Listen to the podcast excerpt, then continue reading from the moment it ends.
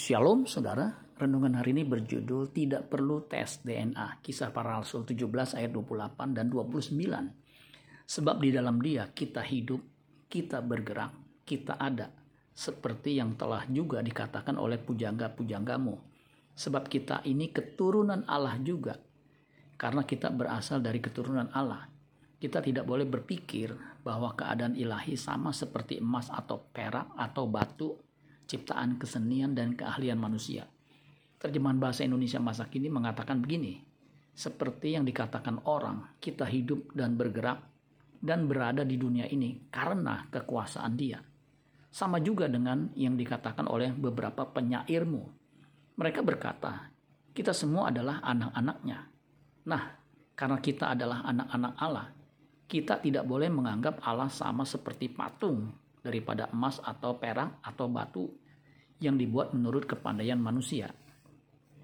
Sebenarnya istilah keturunan Allah atau anak Allah bukan hanya sebutan untuk Kristus, tetapi juga untuk semua orang Kristen. Istilah anak Allah biasa digunakan dalam Alkitab untuk manusia. Di Perjanjian Baru, istilah anak Allah ditujukan kepada orang Kristen. Yohanes 1 ayat 12 dan 13. Tetapi semua orang yang menerimanya diberinya kuasa supaya menjadi anak-anak Allah, yaitu mereka yang percaya dalam namanya. Orang-orang yang diperanakan bukan dari darah atau dari daging, bukan pula secara jasmani oleh keinginan seorang laki-laki, melainkan dari Allah. Matius 5 ayat 9, berbahagialah orang yang membawa damai, karena mereka akan disebut anak-anak Allah. Roma 8 ayat 14, semua orang yang dipimpin roh Allah adalah anak Allah. Ciri utama anak Allah adalah perilakunya atau karakternya yang segambar dan serupa dengan Allah. Baru-baru ini ada seorang yang mengaku keturunan nabi agama tertentu. Untuk meyakinkan orang yang meragukan keberadaannya, ia menantang orang untuk tes DNA.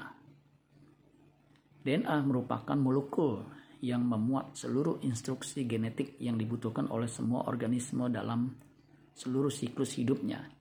Informasi genetik yang terdapat dalam DNA diturunkan oleh orang tua atau induk ke generasi berikutnya melalui reproduksi.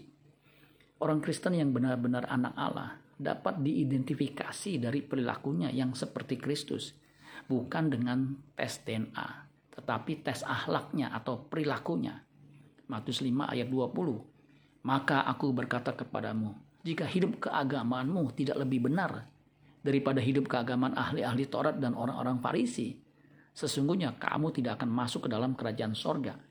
Terjemahan FEB mengatakan begini, maka aku berkata kepadamu, sesungguhnya kamu tidak akan memasuki kerajaan surga jika kesalehanmu tidak lebih daripada kesalehan ahli Taurat dan orang Farisi. Apakah Anda keturunan Allah? Tunjukkanlah perilakumu bahwa Anda valid keturunan Allah karena Anda berkodrat ilahi. Amin buat firman Tuhan. Tuhan Yesus memberkati. Sola Gracia.